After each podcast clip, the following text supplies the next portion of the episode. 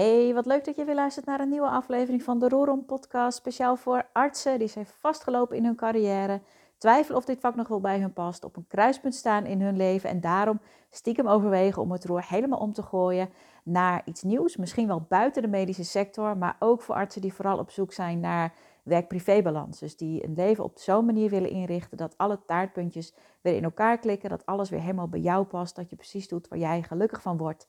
En als je mijn podcast vaker luistert, dan weet je dat ik allerlei onderwerpen bespreek die met het thema het roer omgooien te maken hebben. Zelf heb ik ook mijn roer omgegooid na tien jaar carrière te hebben gemaakt als arts. Ik switchte in die tien jaar naar allerlei, vanaf, nou, ja, allerlei verschillende functies binnen het ziekenhuis, naar de buiten, doktersassistent, leidinggevende. Ik heb alles gedaan. En iedere keer uh, belandde ik op hetzelfde punt. Ik kwam ik weer moe en opgebrand, onvoldaan thuis te zitten. Ik heb ook meerdere keren te horen gekregen dat ik overspannen was, minder perfectionistisch moet zijn en noem het maar op. Maar uiteindelijk viel bij mij het kwartje en dacht ik, ja, ik doe niet te veel. Ik doe gewoon het verkeerde. Ik doe eigenlijk te veel van het verkeerde. Nou, zodoende ben ik mijn eigen zoektocht begonnen een aantal jaar geleden naar wie ben ik, wat wil ik en hoe kan ik nou het leven leiden dat helemaal bij mij past, wie ik in essentie ben. En tijdens die zoektocht ontdekte ik wat mijn passie is en daar wil ik het in deze aflevering dan ook over hebben. Want toen ik ontdekte wat mijn passie is, uh, ja, toen ging er echt een wereld voor me open. En inmiddels heb ik dus van mijn passie mijn werk gemaakt. Mijn bedrijf heb ik daarmee opgericht. Waarmee ik nu als Rorom-expert artsen zoals jij help om ook je leven te transformeren, jezelf te transformeren. En ja, precies het allemaal zo in te richten dat je gewoon helemaal happy en blij bent. Ik wil niet zeggen dat je altijd happy en blij bent. Helemaal niet. Ook ik ben soms nog zagrijnig en moe. En dan wil het allemaal even niet. Op dit moment zelfs nog. Ik heb de laatste weken steeds als ik ochtends opsta dat ik denk, oh ja, ik heb echt het gevoel dat ik zo'n wasbeer ben die eigenlijk in de winterslaap moet.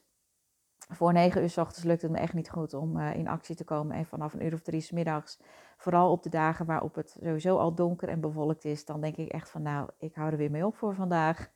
maar dat kan natuurlijk niet, want op 10 januari begint, zoals je misschien weet, uh, het eerstvolgende Break-Free traject van drie maanden. Waarin ik plek heb voor acht artsen die willen onderzoeken wie ze zijn, wat ze willen en hoe ze dit kunnen bereiken.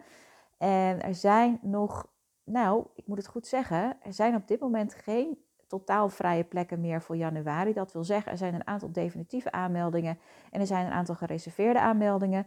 En definitieve aanmeldingen die eh, gaan niet meer wijzigen. Uh, maar gereserveerde aanmeldingen, dat is voor mensen die al een intake bij mij hebben gehad, en waarbij we ook een match hebben. Uh, maar die krijgen dan altijd nog een uh, één of twee weken bedenktijd, waarin ze gaan kijken of ze inderdaad daadwerkelijk uh, definitief willen deelnemen. Daar zijn nog dus een aantal gereserveerde plekken. Het kan dus nog zijn dat er nog een plek vrijkomt voor januari, want het gebeurt best wel vaak dat mensen toch nog besluiten, ik doe het niet. Of ik schuif bijvoorbeeld door naar de groep van 28 maart, want dan gaat er ook weer een traject van start. Dus mocht je nu al denken van januari is voor mij te snel, maar maart is voor mij wel een optie. plan dan ook vooral even een intake in voor maart alvast, omdat ook daar al uh, definitieve en gereserveerde aanmeldingen gepland staan.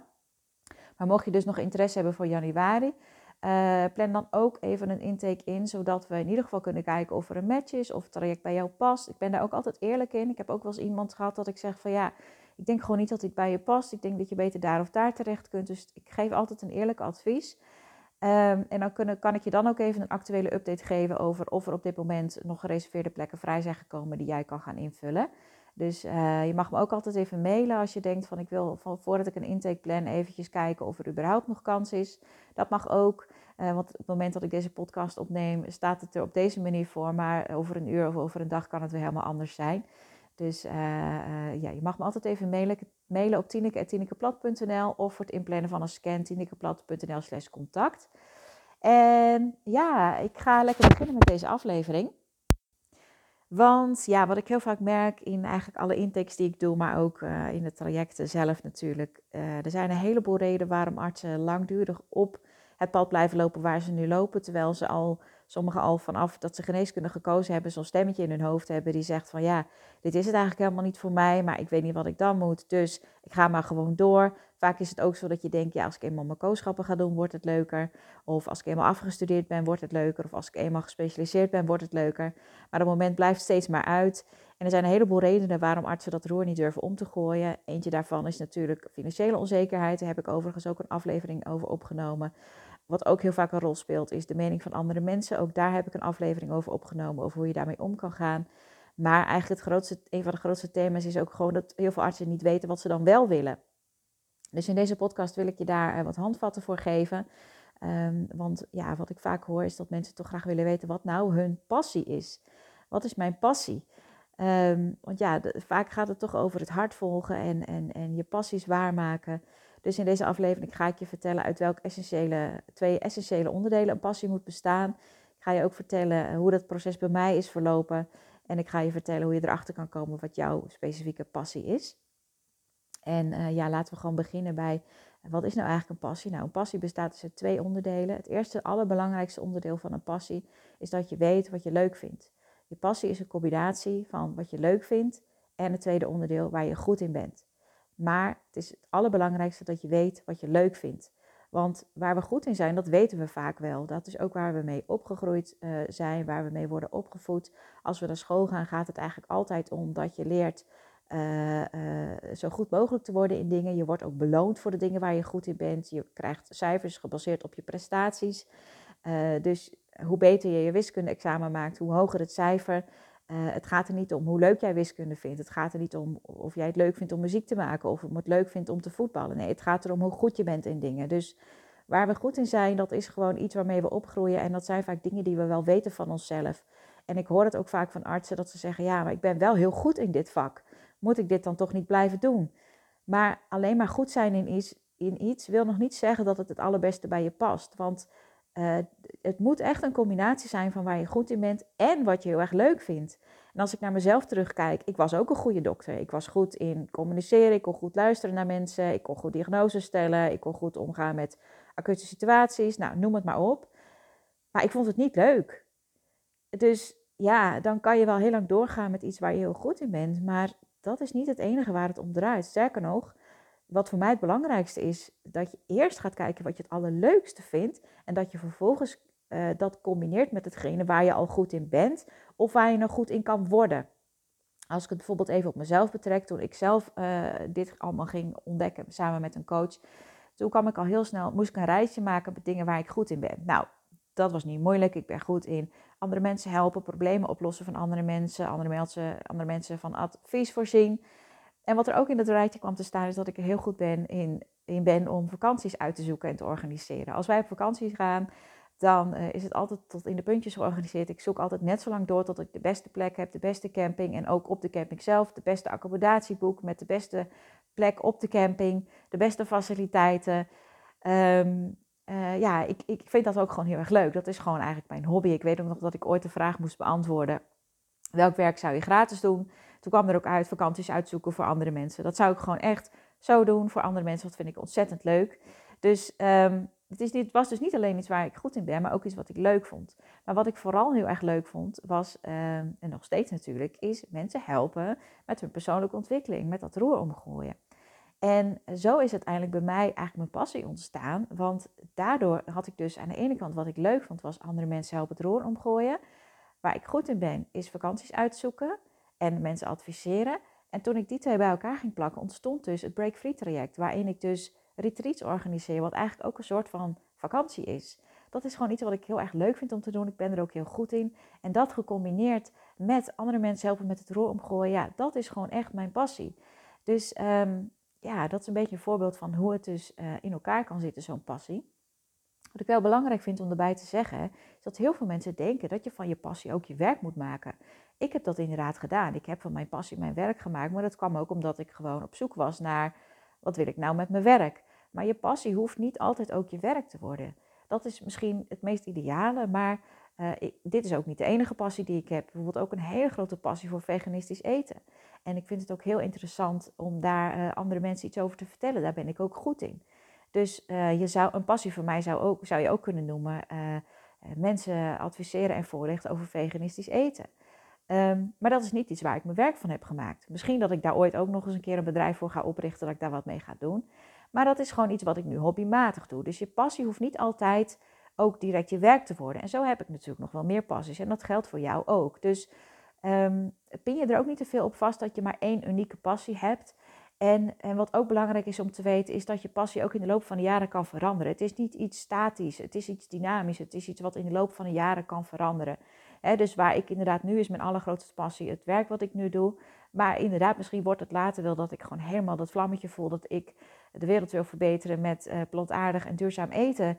En uh, is dat opeens een passie waar ik mijn werk van wil maken? En is hetgene wat ik nu doe weer wat naar de achtergrond verdwenen, omdat dat niet meer zo bij me past of dat ik dat niet meer zo leuk vind? Dus um, dat is ook nog belangrijk om te weten. Nou, en als je dan gaat kijken, die twee elementen. Element 1, wat vind je leuk? Element 2, waar ben je goed in? Nou, waar je goed in bent, nogmaals, waarschijnlijk weet je dat wel. Want daar ben je in je leven vaak genoeg voor beloond. Dat weet je wel van jezelf. Maar hoe kom je er nou achter wat je leuk vindt? Nou, als ik een intake doe met uh, artsen, dan stel ik altijd twee vragen. De eerste vraag is: wat ben je aan het doen als je tijd uit het oog verliest? Dus wat ben je aan het doen als je de tijd uit het oog verliest? Denk daar eens over na. Het zijn dingen waarbij je er helemaal in opgaat, waar je denkt van, oh, nu zijn er over drie uren voorbij. Of jeetje, wat is vandaag de dag voorbij gevlogen? Of, oh, wat hebben we een leuke middag gehad. Ik heb niet eens in de gaten gehad dat de tijd alweer voorbij is. Ga daar eens voor jezelf over nadenken. En als je het antwoord nu niet weet, schiet dan niet in de stress. Denk dan niet van, oh jee, ik weet het antwoord niet. Dus ik heb helemaal niks wat ik, wat ik leuk vind, want dat is absoluut niet waar. Iedereen heeft een passie, iedereen heeft dingen waar die, die hij leuk vindt. Alleen, wat ik net al zei, we worden daar niet mee opgevoed. We, we krijgen dat niet mee. Er wordt ons niet gevraagd in ons leven, wat vind je leuk om te doen? Het gaat erom waar je goed in bent. Dus dat je het antwoord niet weet, wil niet zeggen dat het er niet is. Het is er wel, alleen bij jou heeft het misschien wat meer tijd nodig om daarachter te komen. Maar uh, ga, als je het antwoord nu niet meteen weet, ga er gewoon de komende tijd eens op letten voor jezelf. Er zijn vast wel een situatie waarin je uh, dit gaat herkennen. Dat je denkt van, oh ja, nu heb ik iets gedaan waarbij zomaar de tijd voorbij is gevlogen, waar ik helemaal in op ben gegaan. Dat zijn dingen die je mag gaan noteren voor jezelf. Want dat zijn dingen waar je hart sneller van gaat kloppen. Want uiteindelijk zijn die dingen waar we echt naar verlangen, zijn niet de dingen die we met ons hoofd kunnen bedenken. Hè? Want zoals je weet, misschien als je vaker mijn podcast luistert, is ons brein wil ons veilig houden in onze comfortzone. Dus de dingen die, waar we helemaal van aangaan, waar we van gaan kwispelen, waarbij we de tijd uit het oog verliezen, dat zijn geen dingen die we met ons hoofd kunnen bedenken, maar dat zijn juist dingen die vanuit ons hart komen. Ons hart durft wel buiten die comfortzone te gaan. Ons hart is eigenlijk grenzeloos. Dus door hierop te letten, ga je contact maken met de antwoorden die in je hart zitten. Oké, en dan de tweede vraag die ik altijd stel is: wat zou je doen als ik morgen 10 miljoen euro op je bankrekening zou zetten? En wat ik dan wel eens als reactie krijg is: ja, maar geld speelt voor mij geen rol. Nee, het gaat er ook niet om dat geld heel erg een rol speelt, maar het gaat erom dat meestal, als ik dit vraag, dat eigenlijk alle beperkingen en grenzen en, en de hele comfortzone, dat die gewoon even wegvalt. Wat zou jij doen als je de staatsloterij wint? Wat zou je doen als morgen Gaston van de postcode loterij voor je deur staat en je hebt de grootste trekking van het jaar gewonnen? Wat zou je dan gaan doen? Denk daar eens over na. Als alles mogelijk is, als er geen grenzen meer zijn, wat zou je dan gaan doen? Dat kan ook hele interessante antwoorden opleveren. En het zijn vaak niet de meest gangbare antwoorden. Het zijn vaak de antwoorden van je denkt, ja, ja, ik zou misschien ooit nog wel eens een restaurant willen beginnen. Of ik zou ooit nog wel eens naar het buitenland willen gaan om daar te werken. Of ik zou ooit nog wel eens, nou ja, vul het in. Maar wat er dan vaak achteraan komt is, maar dat is niet mogelijk. Of ja, dat gaat nu niet. Of ja, dan moeten we verhuizen. Of dan komen meteen al die apen en beren die je brein produceert. Want je brein wil niet luisteren naar je hart, je brein wil jou veilig houden. Dus die gaat meteen allerlei redenen bedenken om datgene wat je hartje ingeeft, maar, om daar maar geen werkelijkheid van te maken. Maar besef je, het eerste antwoord wat in je opkomt als je denkt aan het hebben van miljoenen op je bank, dat zijn de dingen die je eigenlijk echt wilt. En je mag je ook gaan beseffen dat die dingen die nu nog zo ver van je bedshow lijken, die zijn niet onmogelijk, die zijn, die zijn niet onhaalbaar. Echt niet. De enige reden waarom jij het gevoel hebt dat die dingen die jou ingegeven worden niet haalbaar zijn, is, ja, dat is je brein. Er zijn geen beperkingen. De enige beperkingen die er zijn, die zitten in je hoofd. De enige die jou eigenlijk nog in de weg staat om datgene wat je eigenlijk zou willen doen als je een miljoen zou hebben, dat ben je zelf. Jij staat jezelf in de weg. Jouw brein staat jou in de weg om datgene te realiseren wat je wilt. Maar als je gewoon uh, het vertrouwen hebt dat alles wat jij nodig hebt beschikbaar is hier op aarde. Alles wat jij nodig hebt al in jou zit. Om datgene te realiseren waar jij naar verlangt. Dan zijn er geen grenzen en beperkingen meer. Dan zijn alleen nog maar mogelijkheden en oplossingen. Dus even samengevat, je passie is een combinatie van waar je goed in bent en wat je leuk vindt. En ehm, ja, daar mag je, uh, daar mag je eh, mee gaan puzzelen en kijken van wat komt daar allemaal uit. En om er dus achter te komen wat je leuk vindt, kan je jezelf afvragen: wat doe ik als ik de tijd uit het oog verlies? En wat zou ik doen met miljoenen op de bank? En daarmee heb je gewoon een heel klein beginnetje om eens te kijken van, hé, hey, wat wil ik nou eigenlijk echt? En ehm, nou, mocht je nou uh, denken van, hé, hey, dit, dit vind ik echt super interessant, dit is precies wat ik nodig heb. Dit is natuurlijk ook een uitgebreid onderdeel van het Break Free traject. Um, en dan gaan we natuurlijk nog veel meer de diepte in over dit soort dingen, om dit helemaal helder te krijgen en om uiteindelijk al die puzzelstukjes van jouw kwaliteiten, jouw kernwaarden, jouw drijfveren, jouw passies, om dat allemaal in elkaar te laten vallen en om ook te kijken op welke vlakken in je leven je dat dan wilt toepassen want zoals ik net al zei, je passie hoeft niet altijd uh, omgezet te worden in je werk. Dat hoeft helemaal niet. Het kan ook gewoon niet zijn wat je buiten je werk om doet. Dus um, ja, mocht je denken van, hey, interessant. Nou, nogmaals, uh, er zijn nog plekken beschikbaar mogelijk voor januari en zeker voor maart. Ga even naar tinikeplat.nl slash retreat, streepje traject, streepje voor, streepje artsen. Daar kan je alles lezen over het Break Free traject. En helemaal onderaan de pagina kan je een intake inplannen. En dan wil ik je weer bedanken voor het luisteren. Dit is trouwens, denk ik, de laatste podcast van dit jaar, de laatste aflevering van dit jaar. Ehm, want ja, zoals ik al zei, ik heb een beetje behoefte aan winterslaap in combinatie met de kerstvakantie. en uh, ik moet dan uh, ook, ook voorbereiden natuurlijk voor het aankomende Break Free traject. Dus um, genoeg te doen. Maar volgend jaar kom ik zeker weer terug met nieuwe afleveringen. Want uh, aan inspiratie heb ik nooit tekort voor deze afleveringen. Dus uh, ja, stay tuned en alvast hele fijne feestdagen, fijn uiteinde. En wie weet spreek ik je heel snel.